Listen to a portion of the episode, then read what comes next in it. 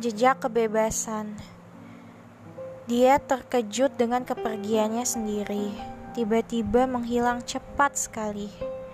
Bahkan manusia terdekatnya tak sempat mengucapkan salam perpisahan terbaiknya secara langsung.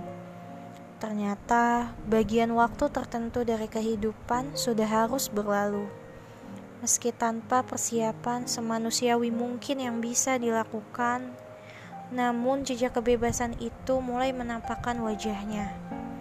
Dia terpesona atas takdir yang menghampirinya. Peristiwa itu menjadikan dirinya berbeda, sangat lain sampai sulit dikenali.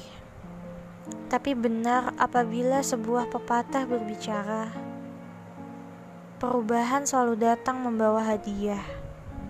Dan terjadilah seperti sekarang ini, dia tersenyum dengan anugerah miliknya menari dan tertawa bersama kado termahal abad ini, yaitu sebuah ketenangan yang menjamu kebebasan sejati.